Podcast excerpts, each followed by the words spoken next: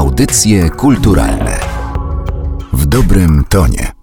W dzisiejszym odcinku Audycji Kulturalnych będziemy rozmawiać o polskich grach wideo, ale grach e, albo zaangażowanych społecznie, albo niosących ze sobą wartości związane z kulturą, czyli promujących polską kulturę na rynku gier. Moim gościem jest e, dr Piotr Kubiński z Wydziału Polonistyki Uniwersytetu Warszawskiego, badacz kultury cyfrowej gier wideo właśnie oraz e, prowadzący projekty badawczo-rozwojowy Narra, o którym też pewnie chwilkę porozmawiamy. Cześć. Cześć. Ja muszę się przyznać, że ja jestem takim graczem dosyć nie wiem czy niedzielnym, ale sobotnio-niedzielnym na pewno nie jestem jakoś Mhm. bardzo zaangażowana ani w jakąś konkretną grę, ani w to środowisko, więc mam nadzieję, że tutaj się e, sporo rzeczy od ciebie dowiem na temat e, tego, jak w tym momencie wygląda sytuacja polskich producentów gier, a wygląda zdaje się z roku na rok coraz lepiej i Polska ma już pewną renomę, jeżeli chodzi o rynek e, gier komputerowych. Z całą pewnością tak jest. To znaczy rynek gier wideo rośnie systematycznie z roku na rok w skali światowej. Jak ostatnio przeglądałem jakieś badania, to jego ostatnia wycena to było bodaj 139 miliardów dolarów e, w skali światowej i prognozy na najbliższe lata pokazują dalszy systematyczny wzrost. E, Polski rynek także ma się niewątpliwie bardzo dobrze. Niedawno padła informacja o tym, że polskich podmiotów, które robią gry jest pewnie około 400. To oczywiście są bardzo różne podmioty, od jednoosobowych działalności po duże firmy takie jak CD Projekt, takie jak Techland, 11bit. I rzeczywiście wydaje się, że to, co charakteryzuje polską branżę gier wideo, to bardzo wysoka jakość wielu produkcji, które tutaj powstają i wiele tytułów dla graczy e, na całym świecie, dla recenzentów na całym świecie, dla samej branży. To jest w dużej mierze jakiś wyznacznik jakości. Czytając co jakiś czas e, o polskich grach e, komputerowych, natknęłam się na takie stwierdzenie, że właśnie ta jakość, która jest wyznacznikiem e, naszych gier, wynika ze specyfiki polskiego rynku, ponieważ my nigdy nie mieliśmy jakiegoś wielkiego inwestora, który by przyszedł i powiedział: Daję wam mnóstwo pieniędzy, zróbcie mi teraz e, wspaniałe gry. I w związku z tym, że e, tych pieniędzy było mniej, trzeba było nadrabiać właśnie ciekawym pomysłem i dobrą jego realizacją. To jest jakiś pomysł. Ja osobiście taką sobie hipotezę od jakiegoś czasu wypracowuję, zastanawiam się nad nią. Czy nie jest aby tak, że fakt, y, iż pierwsi twórcy gier wideo w Polsce, nie mam na myśli tych takich naprawdę najdawniejszych, ale tw- PRL-owskich. E, Chociaż właściwie te czasy PRL-u tutaj są bardzo interesujące, bo właściwie takie pierwsze gry wideo, które rzeczywiście były tworzone z myślą o mniej lub bardziej masowym odbiorcy, to jeszcze są czasy PRL-u. I to są okoliczności, w których w sytuacji wielkiego deficytu tak naprawdę, trudnego dostępu do technologii, e, już nie mówiąc o samym rynku zbytu, mamy sytuację, w której twórcy muszą naprawdę się nagimnastykować, żeby po pierwsze w ogóle dotrzeć do narzędzi, dotrzeć do sposobów tworzenia gier, bo przecież kto by w latach 80. myślał o kursach robienia gier wideo, nie mówię nawet przez internet, bo to rzecz oczywista, ale na uczelniach nie ma w ogóle o tym mowy. Więc y, z jednej strony to są okoliczności dużego deficytu, z drugiej strony próba dotarcia do możliwie szerokiego odbiorcy i wydaje mi się, że to, że wielu twórców, którzy dzisiaj są takimi kluczowymi postaciami dla właśnie polskiego rynku, wchodziło w obszar gier wideo jeszcze w latach 80., czy nawet na początku lat 90., bo to też przecież była wyjątkowo dzika okoliczność do nauki e, robienia gier, to wydaje mi się, że to są okoliczności, które sprawiają, że taka potrzeba wymyślania rzeczy innowacyjnych, robienia czegoś nieomal z niczego, to są okoliczności, które sprawiły, że pewnie wiele osób nauczyło się w naprawdę taki innowacyjny, ciekawy sposób robić gry i wydaje mi się, że to jest jeden z tych czynników, które decydują o tym, że polskie gry mają chyba taki charakterystyczny dla siebie smak. Chociaż zawsze, kiedy mowa o polskich grach, to ja mam taką jakąś dźwięczącą z tyłu głowy wątpliwość, co to właściwie znaczy polska gra wideo. Czy to gra, która powstała w Polsce, na terenie Polski, czy została zrobiona rękami polskich twórców, czy zawiera jakiś element nawiązujący do polskiej kultury. To są takie rzeczy bardzo dla mnie nieostre i nieoczywiste. I to w jakiś sposób e, próbuje usystematyzować Ministerstwo Kultury i Dziedzictwa Narodowego, przygotowując e, specjalne ulgi dla twórców e, gier, które właśnie będą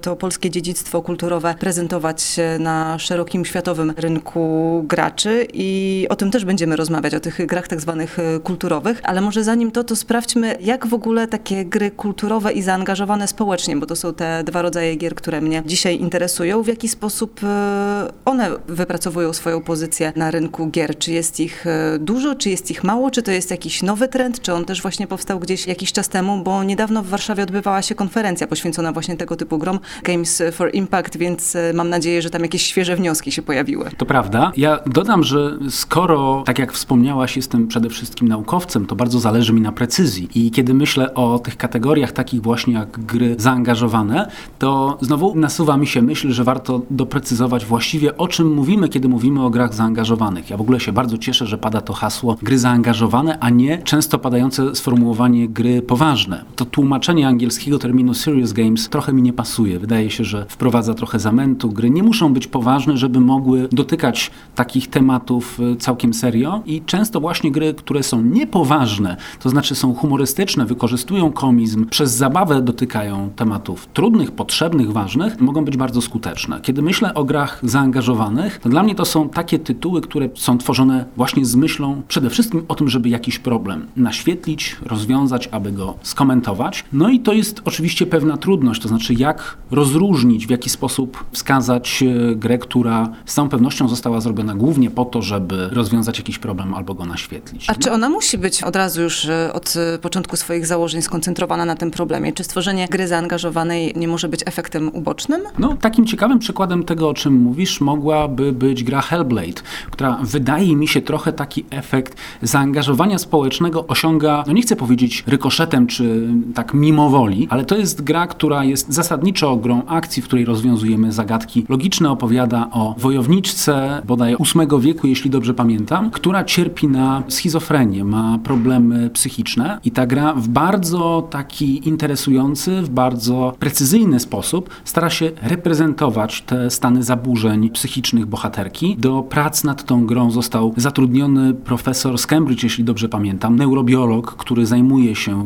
zaburzeniami psychicznymi i on był po prostu takim stałym konsultantem przy tej grze. Gra została nagrodzona nagrodą BAFTY, a więc Brytyjskiego Stowarzyszenia Sztuk Filmowych i Teatralnych, jeśli dobrze z pamięci przytaczam tłumaczenie tej nazwy. Więc jeśli chodzi o tego człowieka, on odbierał nagrodę za właśnie wkład gier w obszar poza rozrywką i wskazywał na to, że gry mają niezwykły potencjał do tego, żeby penetrować ludzką psychikę, do tego, żeby poprzez interaktywność pozwalać doświadczyć w jakiś inny sposób, nieosiągalny dla innych mediów, na przykład tego, jak czuje się osoba, która ma zaburzenia psychiczne. Oczywiście nie mówmy o tym, że to jest pełna ekwiwalencja, że to jest to samo, absolutnie nie, ale wydaje się, że jeśli chodzi o te gry właśnie zaangażowane, one mogą między innymi robić taką oto rzecz, mogą dawać nam namiastkę tego, co mogą czuć osoby, z którymi być może na co dzień nie mamy kontaktu, które być może w wielu z nas wywołują na co dzień lęk, jeżeli mamy z nimi kontakt. One mogą po prostu nas skłaniać do empatii, mogą dać nam odczuć część tego, jak czuje się inny, jaki jest inny. I wydaje mi się, że to jest fantastyczna rola, jaką mogą gry odgrywać. Czy to oznacza, że gra Hellblade jest grą zaangażowaną? No pewnie to zależy od tego, jaką przyjmiemy definicję, ale takich gier, które przy okazji robią coś ważnego, jest rzeczywiście sporo. No i są oczywiście te, e, o których zacząłeś mówić na samym początku, czyli te, które powstały z myślą o tym, żeby naświetlić jakiś problem z innej strony. I przychodzi mi do głowy gra wydana przez 11-bit Studios, e, This War of Mine, kilka lat temu, która zrobiła furorę na całym świecie. Gra prezentująca działania wojenne od strony cywili i mało tego, że prezentująca je od strony cywili, to jeszcze w takim zupełnym przybliżeniu my widzimy twarze osób, e, które mają sobie poradzić właśnie w tej wojennej zawierusze. Jesteśmy odpowiedzialni za każdą jedną, czujemy się związani z tymi bohaterami. To była taka rewolucja. To jest w ogóle bardzo ciekawy przykład. This War of Mine jest taką grą, która wywarła wielki wpływ na branżę gier wideo w dużej mierze dlatego, że no właśnie o częstym przecież problemie, czy o częstym temacie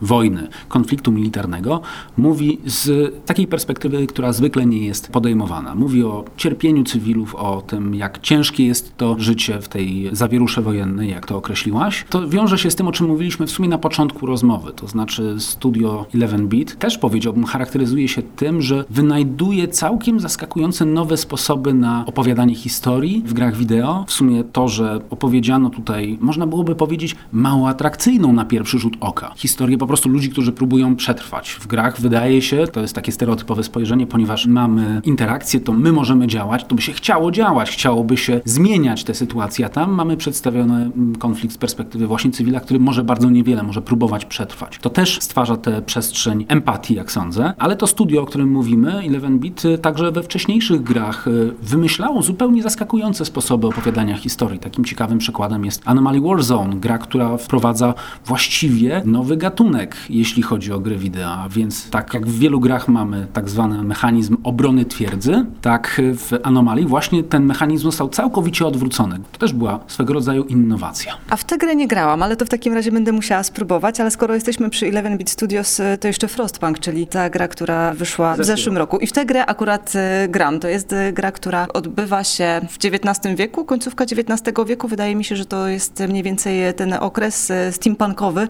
tak zwany, jeżeli chodzi o estetykę. Wielkie zlodowacenie na ziemi.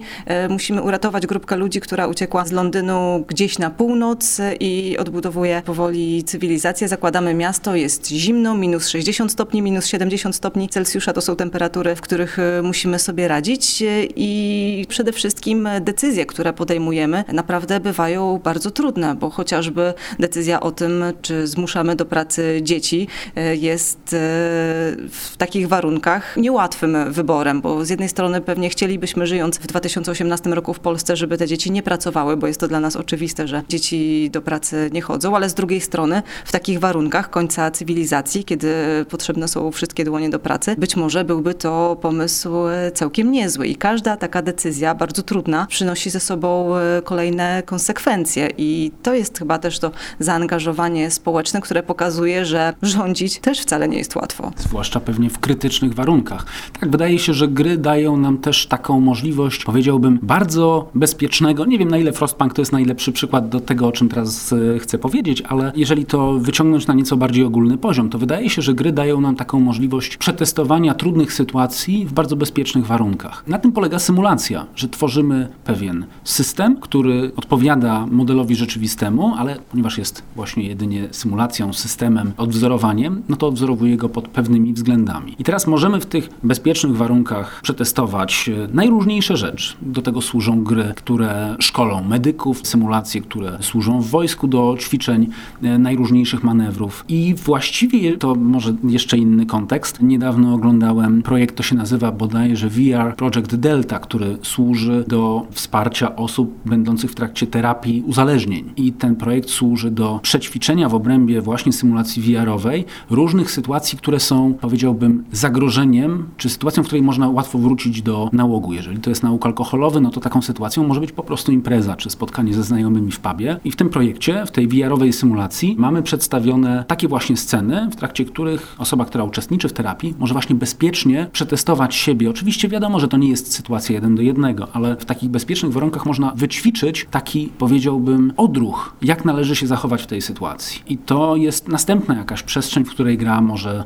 no właśnie jak mówisz, służyć różnym celom społecznym, może być narzędziem do testowania, do pokazywania różnych trudnych sytuacji. W podobną grę miałam okazję e, zagrać, podobną w sensie bycia zaangażowaną e, podczas festiwalu Warszawa w budowie organizowanego przez Muzeum Sztuki Nowoczesnej. E, tam prezentowane były prace m.in. ukraińskich artystów i jedna z nich to była właśnie gra komputerowa, w której gracz wciela się w rolę starszej kobiety z rejonu Charkowa, która poszukuje swojego zaginionego męża. I tutaj znów mamy perspektywę cywila w tych działaniach wojennych. Chciałam tylko wspomnieć o tych kilku tytułach, żeby nie tylko to 11-bit Studios było. Juggler Games, My Memory of Us. To jest gra, która prezentuje historię traumy Holokaustu, ale z perspektywy dzieci, czyli jeszcze bardziej emocjonalnie będzie tutaj pewnie trudniej. To prawda. To też jest bardzo ciekawy tytuł. Właśnie dodatkowo jeszcze interpretujący te sytuacje zagrożenia z perspektywy dziecka. I tak jak mówisz, wydaje się, że to ma jeszcze bardziej emocjonalny potencjał niż takie gry, które pokazują sytuację zagrożenia wyłącznie osób dorosłych. No ja nawet w tym Frostpunku jestem bardzo emocjonalnie związana z moją populacją. Jak część e, mieszkańców postanowiła opuścić moje miasto, bo im się nie podobało i wrócić do Londynu przez te wszystkie mrozy minus 70 stopni, to mi było bardzo przykro, że nie udało mi się im zapewnić odpowiednich warunków i zdecydowali się wybrać taką drogę. To bardzo ładnie o tobie świadczy.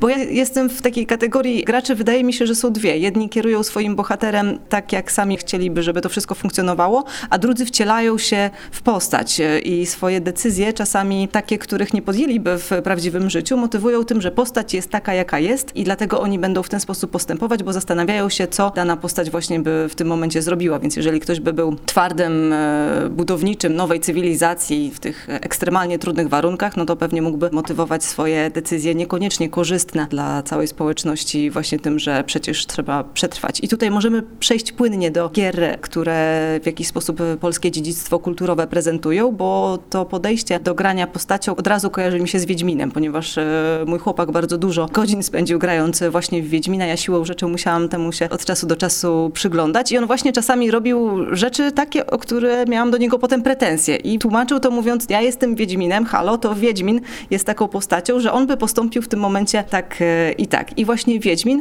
e, to jest gra, która też jest bardzo znana na światowym rynku, która przyniosła chyba e, właśnie tę opinię o polskich grach komputerowych, a jeżeli nie przyniosła, to ją podniosła na pewno na wyższy poziom, że one są bardzo dobre jakościowo. I to jest gra, która na różne sposoby prezentuje nasze kulturowe dziedzictwo. Przede wszystkim jest oparta na książkach napisanych przez Sapkowskiego, których treść też niekoniecznie musiała być znana aż tak szerokiej publiczności, jaką są gracze komputerowi. Po drugie, soundtrack został przygotowany również przez e, polski zespół. A po trzecie, mamy tam różne odniesienia, czy to do słowiańskiej mitologii, czy to chociażby do twórczości Adama Mickiewicza. Chociażby, tak. To znaczy, rzeczywiście znaczenie całej serii wiedźmińskiej dla rozpoznawalności polskiej branży game developmentu na świecie jest oczywiście ogromne i często mówimy o tym, że jest mnóstwo jeszcze innych gier niż tylko Wiedźmin, ale niewątpliwie cała seria wiedźmińska, która, nie wiem na ile to są aktualne dane, ale czytałem taką informację o 33 milionach sprzedanych egzemplarzy całej serii.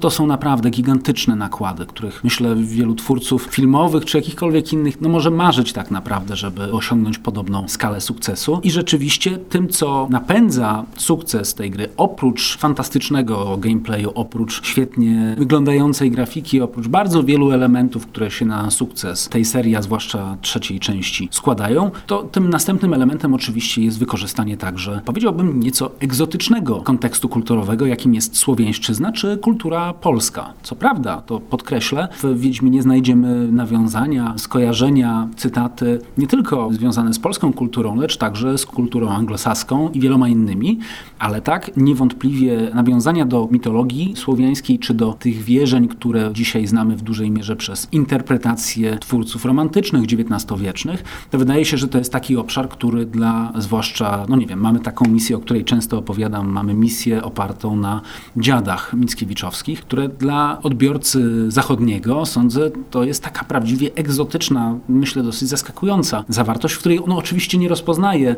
cytatu, który dla polskiego odbiorcy jest oczywisty i wręcz trywialny. Więc to są bardzo ciekawe, powiedziałbym, gry z kulturą, które grze wideo, jak widać, mogą do niej wnieść ogromną wartość. No i miejmy nadzieję, że ci zainteresowani właśnie tymi różnymi obrzędami, których znaczenia e, nie znają, gdzieś tam sobie spróbują w internecie znaleźć, e, przynajmniej niektórzy, historię i trafią na Adama Mickiewicza i dowiedzą się o naszej kulturze więcej, bo tę polskość można w grach przemycać na wiele sposobów. Można właśnie osadzić miejsce akcji w naszym otoczeniu, można przybliżać jakąś związaną z prastarą mitologią historię, można opowiadać o literaturze, można opowiadać zresztą o historii, która wydarzyła się. Naprawdę, można prezentować e, muzykę polskich e, twórców. Oczywiście to nie jest żadne nowe zjawisko, tak naprawdę przynajmniej jeszcze w latach 90. jesteśmy w stanie wskazać gry, które albo opowiadały o jakimś momencie polskiej historii, albo nawiązywały do konkretnego tekstu kultury. Z jednej strony to była taka słynna gra Polanie, opowiadająca no właśnie o dawnych czasach cywilizacji polskiej, jeżeli można tak powiedzieć, a z drugiej strony była taka gra jak Kajko i Kokosz, inspirowana słynnym komiksem.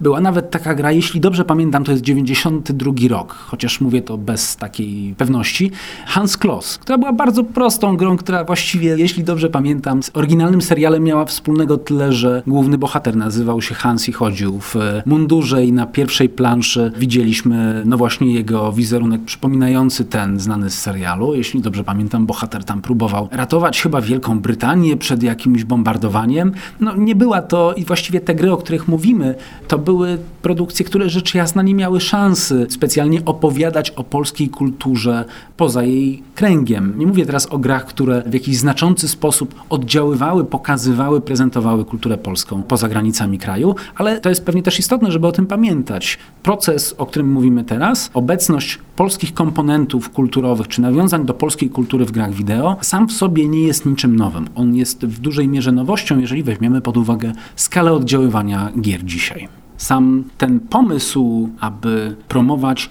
polskość przez gry jest pewnie takim pomysłem, czy taką perspektywą, z którą można dyskutować, zastanawiać się nad tym, jaki cel chcemy przez to osiągnąć, bo od tego myślę bardzo wiele zależy następnych odpowiedzi na kolejne pytania. Jak sobie myślę o historii na przykład polskiego filmu i o największych osiągnięciach e, polskiej kinematografii, no to nie ma co do tego wątpliwości. Jeżeli chodzi o kinematografię, Polska Szkoła Filmowa, a więc te produkcje po 56 roku, które powstawały, które mają naprawdę gigantyczne znaczenie dla kinematografii światowej. Jeżeli sobie poczytamy, posłuchamy wypowiedzi zachodnich, wschodnich reżyserów, to będziemy wielokrotnie widzieć, że to właśnie polska szkoła filmowa bardzo często w dużej mierze na nich oddziaływała. I teraz można się zastanawiać, Dlaczego tak było? Czy decydowało o tym to, że wiele filmów z polskiej szkoły filmowej miało scenariusze oparte na tekstach literackich polskich, bo faktycznie tak było? Być może tak, ale być może wartość tkwi w samym filmie i to właśnie powiedziałbym jakość tego tekstu kultury, jakim jest film, czy to Wajdy, czy Munka, czy Hasa, Kawalerowicza i wielu innych, to to ostatecznie decydowało o tym, że ten tekst kultury, ten film przebił się do światowej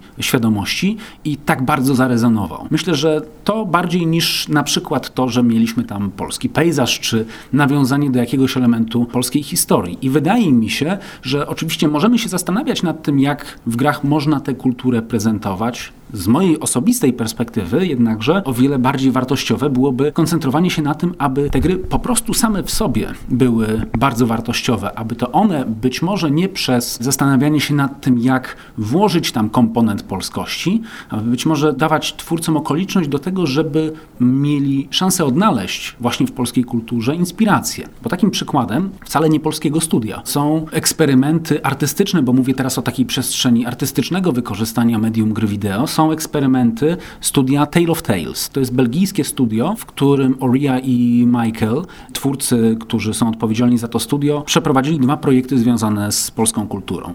Jeden na zaproszenie Instytutu Adama Mickiewicza, to był projekt e, Cathedral in the Clouds, projekt VR-owy prezentujący w przestrzeni właśnie VR-owej dzieła sakralne. W dużej mierze w tym projekcie wykorzystane są te dzieła, które artyści zaproszeni do Polski na krótką rezydencję, na takie tournée po polskich kościołach, e, najbardziej takich e, spektakularnych, mieli okazję obejrzeć te dzieła i po prostu autentycznie się nimi zachwycić, uznać je za takie rzeczy, z których warto skorzystać w tej twórczości. W trakcie tej podróży po Polsce autorzy z Tale of Tales mieli okazję także poznać się z Fundacją imienia Tadeusza Kantora, która zaprosiła Tale of Tales do współpracy w Hucisku, a więc w miejscu, gdzie znajduje się willa Kantora. Artysty znowu o absolutnie fundamentalnym znaczeniu dla polskiego teatru i dla teatru światowego. Twórcy z Tale of Tales uznali, że chcą przeprowadzić eksperyment znowu VR-owy, w którym próbują pozwolić graczowi, użytkownikowi wejść w rolę kantora, który przygotowuje spektakl według tych swoich szczególnych reguł teatralnych. I wydaje mi się, że to są przykłady, które pokazują, że polska kultura rzeczywiście ma w sobie takie komponenty, które mogą być naprawdę fascynujące i inspirujące dla twórców. Ale tutaj ta ścieżka dochodzenia do tego spektakularnego elementu była, powiedziałbym, no właśnie taka. To znaczy,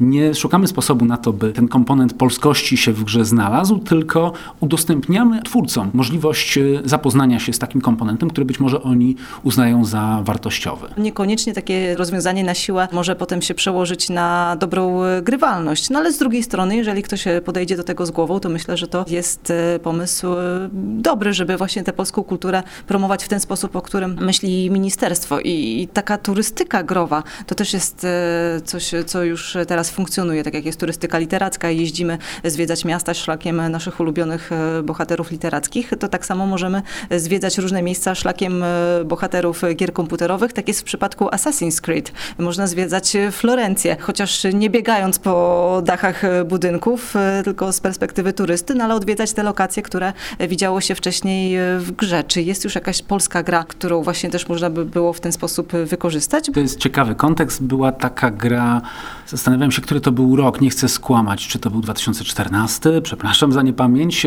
The Astronauts, polskie studio stworzyło grę The Vanishing of Ethan Carter, czyli Zaginięcie Ethana Cartera, której akcja no, rozgrywa się w amerykańskim Red Creek Valley, ale między innymi jedna z zapór, e, zapora Pilchowska chyba, jest wykorzystana w tej grze, a także jej okolice i to, czym zachwyciła ta gra, ona także była nominowana do BAFTY i także, jeśli dobrze pamiętam, jedną taką nagrodę uzyskała. Ta gra zachwyciła między innymi dzięki temu, że została tam zastosowana technika fotogrametrii, która polega na tym, że wykonujemy zdjęcia bardzo wysokojakościowe pod wieloma kątami obiektów, które mają być odtworzone w grze. I tam właśnie zostały odzwierciedlone czy odtworzone pięknie architektonicznie, pięknie wyglądające obiekty właśnie z południa Polski. I to jest gra, która zachwyciła tym właśnie, jak wygląda między innymi ta przestrzeń, o której, jak mówię, akcja rozgrywała się w Stanach Zjednoczonych, nie w Polsce, ale wielu graczy podążyło tym wątkiem i wiem, że wiele materiałów powstało na ten temat, pokazujących, gdzie tak naprawdę znajduje się ta zapora, stacja kolejowa, że w ogóle jest taka przestrzeń. Ja słuchałam e, rozmowy z twórcą e, tej gry właśnie i on opowiadał o tym, że Amerykanie, e, wiedząc, że gra dzieje się w Stanach Zjednoczonych i widząc te krajobrazy, które absolutnie nie przystawały do tego, co znają, wyszukiwali sobie te miejsca, chcąc się dowiedzieć, gdzie tak naprawdę one są. No to ciekawe. Wydaje się, że to jest następny taki przykład tego, że nie musimy tego komponentu polskości wprowadzać, nie chcę powiedzieć na siłę, ale nie musiałoby to przynieść korzyści, ale polska kultura, polski krajobraz, myślę teraz także o malarstwie. Z jednej strony wiemy, że twórcy Wiedźmina III inspirowali się w wielu miejscach e, przedstawieniami właśnie malarskimi. Z drugiej strony, żeby nie pozostawać wyłącznie w kręgu Wiedźmina, mamy takie gry jak chociażby Lust for Darkness, e, grę, której możemy znaleźć inspirację na przykład twórczością Beksińskiego. No to jest taki horror, powiedziałbym, z Beksińskiego wzięty faktycznie, jeśli chodzi o estetykę, ale są tam cytaty wizualne z jego malarstwa. I tego typu przykłady moglibyśmy mnożyć. Nie chciałbym teraz, żeby moja wypowiedź była odebrana jako taka krytyka tego projektu ministerialnego. Nie uczestniczę w pracach nad tym projektem i nie znam specjalnie jego szczegółów. Rzeczywiście jest taka obawa, że ta ulga może prowokować do tego, żeby z jednej strony powstawały gry, których jedyną wartością będzie to, że będą opowiadały na przykład o polskich bohaterach i pewnie nie ma nic złego w tym, że będą powstawały takie gry pod warunkiem, że one będą rzeczywiście jakościowo coś warte. Wydaje się, że ta promocja polskiej kultury, jeżeli będzie nastawiona wyłącznie na no właśnie epatowanie odbiorcy tymi wartościami, tymi obrazami, znakami, symbolami, które są dla Polski charakterystyczne, to to będzie po prostu przeciwskuteczne. Wydaje się, że takim prawdziwym, skutecznym sposobem może być po prostu dawanie przestrzeni do tego, żeby te gry powstawały i były jak najlepsze. To może jeszcze na koniec opowiesz o tym e, projekcie, który prowadzisz. E, projekt badawczo-rozwojowy Narra, narzędzie kompleksowo wspierające proces tworzenia fabuły w grach e, wideo. Gry wideo mają to do siebie, że pozwalają nam w bardzo łatwy sposób, stosunkowo łatwy sposób, osiągnięcie wielu wariantów jednej historii, którą właśnie możemy rozegrać na różne sposoby. To nie jest oczywiście jedyny sposób opowiadania historii w grach, ale jednym ze sposobów jest udostępnienie graczowi bardzo wielu różnych wariantów opowieści, w której będzie on decydował, tak jak mówiłaś o swoim chłopaku, że mógł zrobić coś, a zrobił coś, jako ten Wiedźmin. Albo ja we Frostpunku mogłam dzieci zmusić do pracy w fabryce, albo mogłam